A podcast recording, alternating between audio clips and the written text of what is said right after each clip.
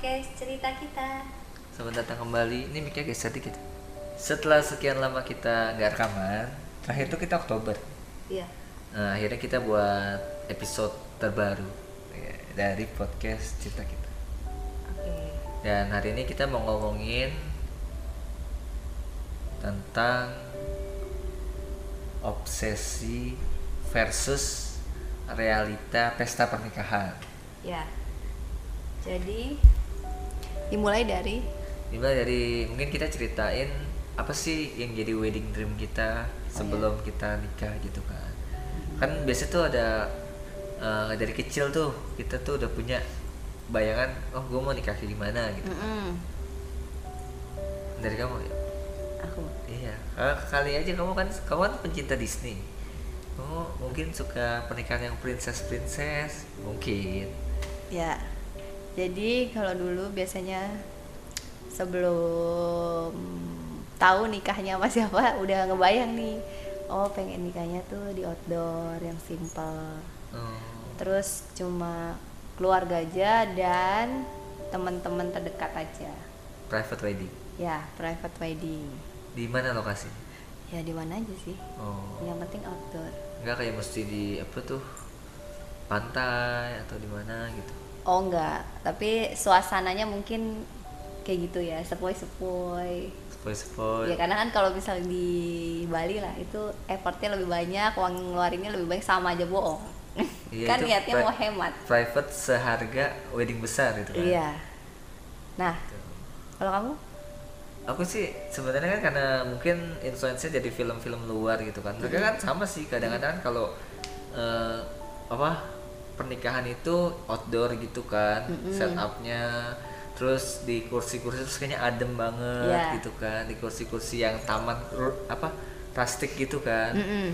Nah tapi makin ke sininya makin dewasa, kayaknya aku mikir eh, ya udah nikah ya datang ke gereja, kemudian pemberkatan, tamunya dikasih nasi kotak pulang, gitu, Ya emang mau istrimu gitu. Gitu. Jadi enggak maksudnya lebih ke simple, ya sesimpel dan sesederhana mungkin gitu. Iya. Tapi sebelum itu kan sebenarnya kita eh, wedding dream kita tuh nggak jauh beda kan, semuanya sama. Kayak mau di outdoor, mau di outdoor, terus habis itu kayak orang-orang terdekat aja, keluarga, Heeh. terus yang kita kenal aja. Iya. Tapi, Tapi kenyataannya ya nggak gitu juga. Nah kenyataannya nggak gitu. Kenyataannya ketika kita memutuskan sebelum ini ya. Tapi ap- udah survei kita kan udah survei yang outdoor tuh kayak Iya. gimana?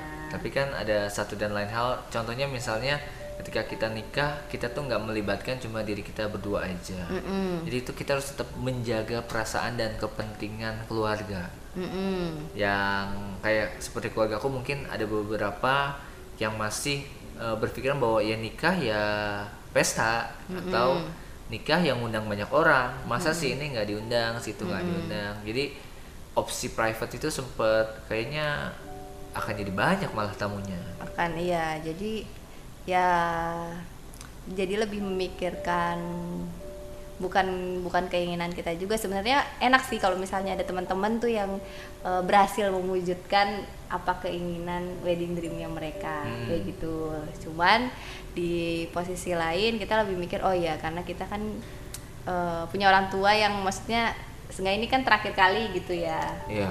kan nggak mungkin kita ngundang tamu kita juga. Maksudnya semuanya tamu kita tapi uh, orang tua tamu orang tua juga harus ada kayak gitu Tapi akhirnya orang tua juga ngalah sih. Kan beberapa yang cuma kenal aja nggak diundang kan. Mm-mm. Jadi kan kayak ada ring Ya. satu itu kan keluarga deket, ring dua teman-teman, nah ring jadi- tiga yang nggak terlalu deket, mereka agak nggak terlalu di ini. Iya itu kan terserah orang tua mau milihnya siapa seenggaknya Iya. tapi kita ngasih kebebasan tamunya sekian kayak gitu Heeh. kita eh, kita kasih tahu nih j- yang setidaknya itu semua sesuai dengan rencana kita berdua di awal kayak gitu kan Hmm.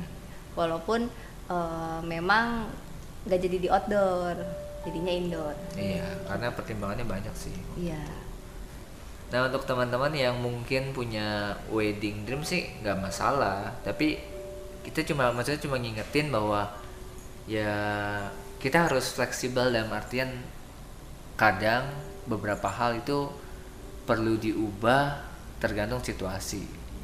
Dan kalau misalnya ada beberapa yang memang keras kepala mungkin untuk mewujudkan wedding dreamnya ya nggak masalah juga sih. Itu kan keputusan pasangan ya. Yang penting jangan sampai memaksakan satu keinginan misalnya kamu nih pengennya itu atau aku pengennya itu aja. Nggak diskusi terus mutusin aja. Kayak nggak nyaman gitu kan rasanya ya. Iya, dan sebenarnya untuk konsepnya semuanya sih sama, kita berdua tuh sama. Emang sih, eh, jadi kita tuh caranya buat ngasih tahu ke orang tua tuh, kamu ngasih tahu ke orang tua kamu, aku ngasih tahu orang tua aku kayak gini nih, kita konsepnya kayak gini. Jadi ya berdebatnya eh, berdebatnya ya berdua aja terus habis itu nanti kita baru sampai ini ini kayak gini nih enaknya kayak gitu kan jadi kita filter dulu kan Ha-ha. supaya nggak ada Iya, jadi- gesekan terkeluarga iya gitu jadi biar di tengah-tengah Mm-mm. Nah itu juga salah satu tips mungkin. Jadi kalau misalnya eh, misalnya keinginan dari mamaku apa atau dari mamamu apa, jadi kita filter dulu cara nyampein yang baiknya gimana nih supaya nggak tersinggung. Iya, dan pasti kan kita sebagai anak udah tahu nih, eh, kira-kira konsepnya itu maksudnya orang tua kita tuh tipenya kayak gimana nih. Jadi cara nyampeinnya pun tahu. yang tahu. Oh, eh, kita pun yang tahu. Jadi itu harus anaknya sendiri ngasih tahu kayak gitu. Gitu. Jadi penengah lah. Mm-mm. Jadi kayak kita mediator sebisa mungkin sih meminimalisir konflik ya. Kemarin kita sempat ada konflik nggak sih? Pas Eh, persiapan. Nggak ada sih. Kalau menurut aku sih lebih ke kayak jumlahnya ya, jumlah kayak nanti tuh untuk makanan sekian atau berapa karena kan takutnya kebanyakan terlalu banyak juga itu dan kita kan termasuk yang terlalu banyak ya tapi ya Iya. seneng sih emang selesai itu keluarga tuh dibagi-bagi kan semuanya tuh dapet Iya. itu tuh senengnya itu Yang datang juga Nah. lumayan kan? sebenarnya yang yang salah satu eh, salah satu aku kecewa itu karena aku merasa tidak menikmati wedding maksudnya eh, makanannya gitu. Sama sekali nggak menikmati. Itu tuh eh, menurut aku kan kayak aku selalu bilang aku tuh pengen banget nikah tuh yang kita tuh menikmati apa yang kita sajikan juga gitu. Tapi itu nggak kita nikmati sama sekali sampai akhir. Akhirnya pun kita makannya tuh nggak di situ. Makannya ya udah kita di hotel. Iya, dibawa akhirnya. iya itu. Itu. Nah. Benar sih. Iya paling paling eh, Karena kan kita terbatas eh, dari segi durasi waktu, waktu gedung itu kan. Heeh, waktu. Jalan tamunya lumayan banyak. Jadi kayak eh, dalam tanda kutip tuh kita dipajang di depan. Mm-mm, ma- ya masih lebih ke masih masih di Wedding lama ya? Wedding lama, Nggak ya? heeh, nggak gaya Ya enggak, waktu itu kan kamu pengen apa namanya tuh yang keliling? Miguel. Ah, Miguel. Eh, Miguel yuk ya. Terus pas Miguel ternyata capek ya. Karena baju Iya, karena bajunya itu nggak sesuai, heeh, nggak sesuai sama eh, acaranya. Kalau misalnya Miguel bajunya nggak yang boleh kayak lebih gitu. simpel Yang harusnya lebih kan. simpel. Ini kan karena panjang gaunnya, nah terus pas jalan ternyata tuh ribet, ribet dan nggak bisa jauh juga karena ribet di baju dan akhirnya Miguel kita cuma bentar ya. Dan itu emang gerah banget sih karena untuk wedding wedding yang Miguel itu pasti mereka sesuaiin dengan baju itu benar sih. Yang Kalau- agak casual gitu Mm-mm, lah, jadi casual. eh, geraknya juga enak, nyaman gitu. Dan kita akhirnya ada Miguelnya, cuma lebih banyak ya dipajang juga sama. Mm-mm. Secara nggak langsung ya gitu sih. Nah sebenarnya juga eh, kayak aku juga pengen yang namanya wedding tuh eh, kita table aja kayak gitu. Kayak sim Heeh. bener-bener simple sesimpel. Maksudnya kita bisa menikmati itu hal yang eh, kayaknya jadi inget gitu momennya lebih keinget nah ketika pas acara itu eh, acara itu berlangsung oh gini ya cepet banget kayak langsung Iya, ini, cepet, ini, cepet, ini, ini, ini, ini, ini. itu bener-bener kayak wih makanan kita nggak nyobain gimana rasanya kita mau komen juga bingung walaupun udah test food ya tapi kan untuk gubukan beberapa gubukan Iya, kan kita nggak tahu Ah. kan kayak gitu Tapi memang cepet banget sih pas mulai acara tiba-tiba selesai gitu. Aku Iya. juga merasanya kok cepet ya ternyata ya. Kita durasi tiga jam ya kurang lebih ya. Hmm. Tiga jam dan itu berasanya kayak oh udah selesai ya. Gitu. Akhirnya. nah iya karena kan juga eh, tapi kita kan ambilnya internasional nggak ada sama sekali jadi ya udahlah ambil tengah-tengah itu ya mau nggak mau kita ambil weddingnya yang seperti itu Yang yang lucu itunya tuh MC-nya. apa MC-nya agak-agak gimana? ya karena MC-nya kan udah paketan dari gedung kan Iya. MC-nya kocak dah pokoknya. Apa? Mm-mm. Dia udah gitu dia agak bingung dia harus ngikutin yang mana nih. Ada yang maksudnya eh, dia sempat kebingungan di apa ya pas waktu awal-awal ya? Ya karena kan emang udah waktu oh udah agak telat kan. Heeh. tapi kan sebenarnya karena itu kita pas pemberkatan kan di tempat yang sama juga. Oh iya. waktunya kan banyak tuh ngelos dan tamu-tamu tuh bener-bener nggak itu semua harus didekor ulang lagi. Jadi teman-teman kita di tempat satu gedung yang sama Ada itu untuk ya. pemberkat untuk pemberkatan kan jam 9 gitu. Terus kita acara resepsi jam 12 nah acara tuh mepet banget jam 9 kita selesai jam 11an nah jam 11an itu semua orang-orang iya orang-orang dekor itu harus eh, langsung ngubah setup lagi. Jadi Karena- semua tamu-tamu Heeh. diminggir-minggirin. Mungkin kesulitan di situ mana tamu-tamu yang datang di resepsi eh, udah lumayan banyak itu kan udah pada Ah, nungguin udah pada nungguin Nah, juga temen aku datang karena kan gedung kita di mall gitu kan. Ya udah belanja dulu atau enggak ngapain dulu baru Oh, dia iya. nanti balik lagi. Ha-ha. Gitu. tapi lumayan lama juga sih Ya gitulah. Tapi ya overall sih oke. Mm-mm. jadi eh, buat teman-teman yang berhasil mewujudkan wedding eh, wedding dream kalian. Uh-uh. emang wedding dream kan beda-beda. Ada yang memang ini kan pernikahan sekali seumur hidup. Dan mereka pengen bener ada yang mau buat sesimpel mungkin atau ada yang mau bukan mewah tapi kayak Berkesan. berkesan lah kayak gitu. Ada yang kayak gitu juga mungkin beda-beda. Aku juga mau tuh table sebenarnya.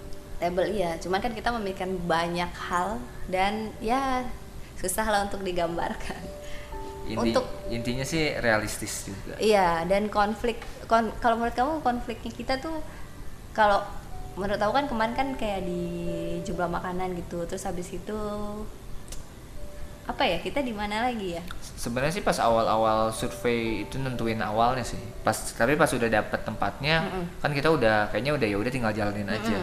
Tapi pas waktu survei-survei kayak aku kan kenapa sih kita nggak lihat tempat lain? Terus kamu mikir sama aja paling tempatnya. Terus kayak capek. Terus nggak mungkin sehari juga kalau misalnya kita babat di dua tiga tempat empat tempat yang ini ya nggak full nggak apa energi untuk surveinya tuh nggak dapet. Jadi kayak buat persiapannya sih Iya, dan kita emang bener-bener dari awal apa pun itu sendiri bener-bener kita tuh nyari sendiri. Terus habis itu yang nentuin itu kita sendiri kayak ini cocoknya di mana? Terus kayak ngumpulin tengah-tengahnya di mana nih kalau misalnya dari teman kamu ke sini jauh nggak, dari teman aku ke sini jauh nggak atau keluarga kita ke sini jauh nggak kayak gitu. Iya. Jadi Dan lebih yang ke wilayah. kalau aku sih kalau evaluasi dari wedding kemarin tuh yang agak sebenarnya sih gimana ya? Ini agak dilema sih.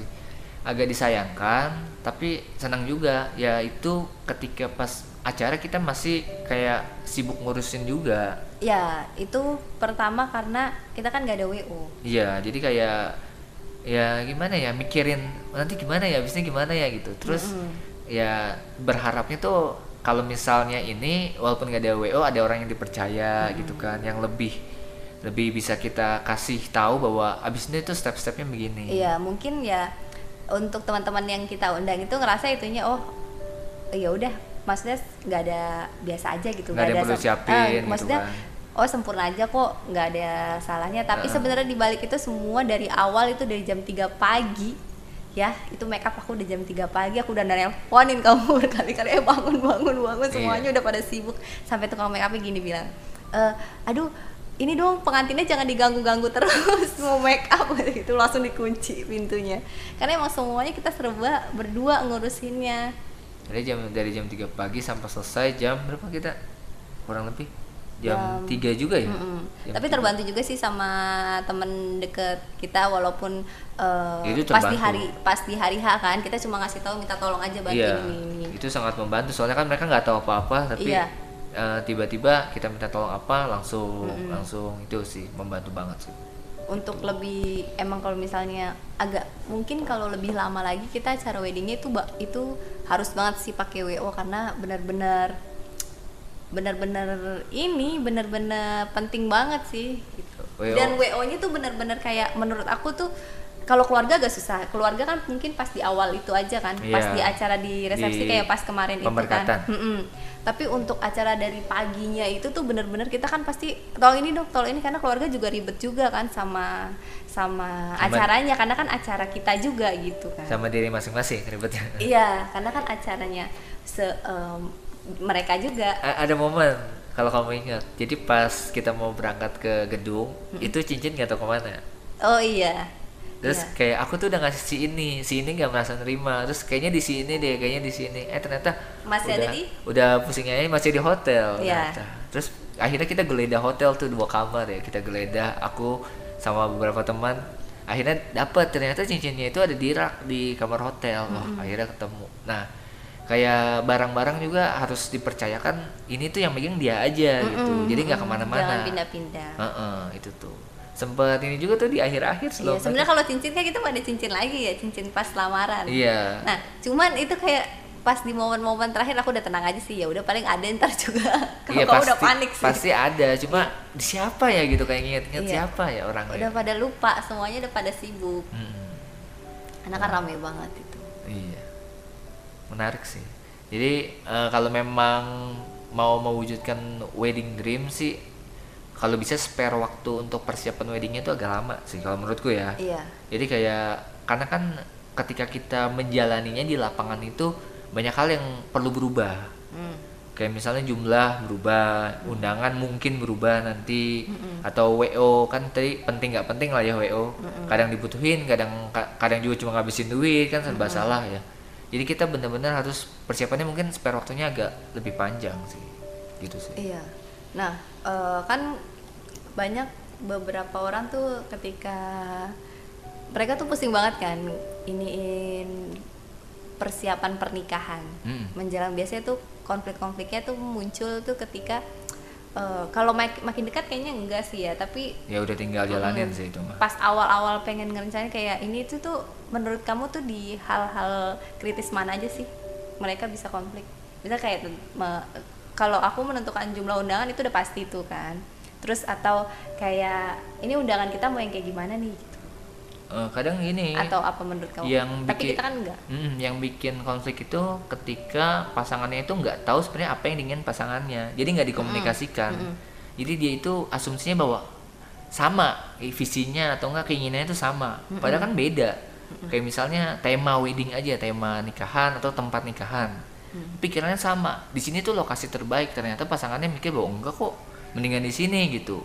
Nah ketika kita nggak saling dengerin di awal terus kok dia nggak mau yang terbaik sih kan? Ini mikirnya kayak gitu. Nah itu jadi konflik. Nah, kadang kan juga keinginan orang tua itu nah eh, keinginan orang tua itu terus itu yang bisa membuat konflik mereka berdua. Iya, nggak sih? bisa. Ada beberapa orang kayak gitu misalnya eh, ini udah dikasih tahu terus tiba-tiba misalnya nih terus pasangannya pas lagi main ke rumah orang tua ngasih tahu nih Ada ini gini berubahnya. gini ya, eh, ini Heeh. kayak gini gini gini aja itu itu bisa memicu konflik juga.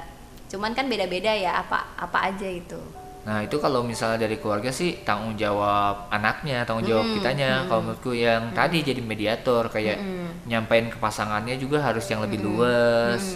Terus nyampein ke orang tua pasangan kita juga. Jadi jangan sampai kalaupun ya eh, misalnya orang tua kita pengennya apa nih, terus kita nyampainnya langsung plek-plek gitu kan. Dan bisa jadi kan komunikasinya jadi nggak enak. Nah, eh, nyampeinnya kalau bisa se smooth mungkin lah, benar-benar halus nyampeinnya. Terus benar-benar bukan sesuatu yang harus dipaksakan, Mas- Iya. masih ada ruangan, masih ada ruang untuk kayak ada opsi lain. Kalau Nah, aku sih selalu begitu. Iya. Dan aku sebenarnya tipe orang kayak gini sih. Eh, dari aku pernah baca waktu itu di siapa gitu ngerti. Jadi dia tuh punya wedding dream yang kayak gimana. Jadi tuh dia ceritain terus tuh. Dia ceritain maksudnya ke orang tuanya biar tahu kalau misalnya dia nikah seenggaknya tuh kayak Ada gini. gambarannya. Ada gambar jadi nggak kaget misalnya Iya. gitu kan. Nah, dan aku kan tipe eh, kayak walaupun aku nggak tahu ya misalnya nikah kapan waktu itu sama kamu ya, Ma aku mau nikah umur segini kira-kira kira-kira boleh nggak? Oh ya, jadi udah tahu tuh.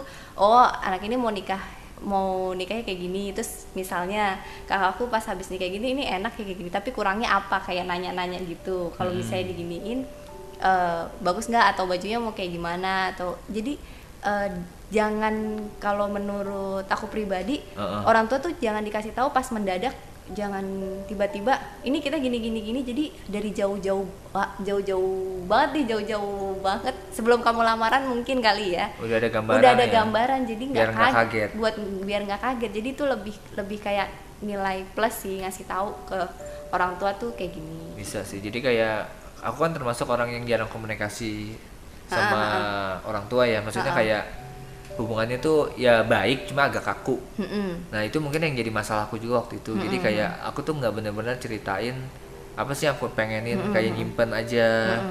Nah seperti yang kau bilang tadi jadinya kaget. Oh ternyata nih anak maunya begini gitu kan. Dan akhirnya ya diomongin sih. Mau nggak Iya. mau harus diomongin. Iya, jadi eh, lebih baik sih dikasih tahu dari awal banget eh, rencananya kita nikahnya mau kayak gini gini gini gitu. Jadi dan ya kalau sebelum sebelum pasangan kamu ngomong ke orang tua misalnya nih, kita mau nikahnya kayak gini tante misalnya. Tapi kamu udah sounding dulu nih ke orang tua sendiri. Nanti eh ini misalnya gitu misalnya Anton mau ngomong nih mah kalau misalnya kita mau nikahnya tuh kayak gini gini jadi nggak kaget gitu loh kok gitu jadi udah tahu duluan Iya. orang tua kan bisa aja malah ntar responnya tiba-tiba eh, orang tua kalian tuh masuk loh bukannya kayak gini gini gitu. Bukannya harusnya begini. Tapi untungnya Jadi karena biar- kita komunikasinya lumayan baik, baik bagus kok. jadi win-win lah Mm-mm. gitu. Karena kan takutnya apa yang orang tua kasih tahu ke kita atau pasangan kita ntar malah jadi konflik ke hubungan kita. Padahal mereka maunya sih yang baik. Ha-ha, pasti semua orang tua baik. pasti maunya baik. Cuma kadang-kadang ya gitu Kan beda, pikiran dua- kita nggak sama. Iya dan kan dua keluarga itu pasti beda kan? Ada budaya masing-masing terus punya pengalaman mungkin pernah nikahin anak yang lain pengalamannya beda kan? Heeh. Ya harus saling ngerti dan harus ada yang saling ngalah sih maksudnya. Lebih ke situ. Iya, ini podcast kita benar-benar curahan hati Eh, emang curahan hati? ini kan kayak kita tuh Enggak kita tuh ngasih tahu aja ya maksudnya apa yang kita lakukan kita curahkan Iya, jadi buat ini fase ini akan berakhir kok. Setelah udah nikah, oh ya udah deh, udah lega. Paling penyesalan aku pribadi ya itu kalau misalnya awal ketika acara nikahnya tuh semuanya oke, cuman kayak makanan itu kayak sayang banget. iya banyak banget itu makanan. hal yang tersayang menurut aku aku tidak bisa merasakan itu semua. Harusnya ya aku minta tolong Clay ya Clay tolong ambilin ini tapi kenapa gak kepikiran? Gitu sama sekali. Terakhirnya sih kita dapat makanan kan diambilin sama Kakakmu. kakakku. Cuma kita udah males makan. Iya sama Udah. kakak iparmu kan ya ayo makan dulu Jen sama Anton gitu Tapi, Susah. ah udah nggak bisa Susah. sama sekali aku aku sebenarnya pengen makan gubukannya sih karena enak-enak Udah soalnya. habis semuanya. Iya, soalnya beberapa bilang gubukannya tuh enak-enak terus Ya, makanannya lumayan. juga oke nah tapi makanannya kita dapat cuma gubukannya nggak sempet apa nyobain nah untungnya eh, makanan kita kan banyak sisa hampir semuanya ya bawa ya pulang semuanya ya kita bagi semuanya bawa pulang keluarga terus kita juga nikmatin di akhir-akhir sisa-sisa lebihnya sih jangan ngomong sisa ya lebihnya. Iya itu juga aku cuma makan dua suap kali abis itu udah mie doang kayaknya. Terus mamaku tuh bagian tetangga juga semuanya kebagian tuh iya karena kan banyak banget banyak banget gitu. sisanya. Itu dan lebih bagus banyak. lah daripada kurang kan ya. Ya itu berarti berlimpah katanya. Kalau kata orang zaman dulu kan kalau makanan si- sisa banyak berarti rezeki kita berlimpah. Oh gitu. nggak tahu deh aku maksudnya kita buat-buat aja ya kalau Oke, yang kita- baik-baik kita, ya kita, iyain kita, aja. kita amini aja. Iyalah. Apalagi dan ya udah sih paling itu aja. Jadi buat teman-teman yang mau menjalani sebentar lagi. pesta pernikahan. Dan jangan lupa yang lebih penting dari pesta pernikahannya adalah kehidupan setelah setelah menikah. Karena setiap hari pasti kita kayak belajar hal-hal baru eh, lebih kayak mengenal pasangan dan seperti kayak gini perjalanan mengenal diri sendiri lagi. Karena kamu yang sendiri dan kamu yang sudah pasangan tuh beda pasti gitu sih. Oke? Oke. Itu aja dari kita untuk episode kali ini. Sampai ketemu lagi di podcast berikutnya. Bye bye dadah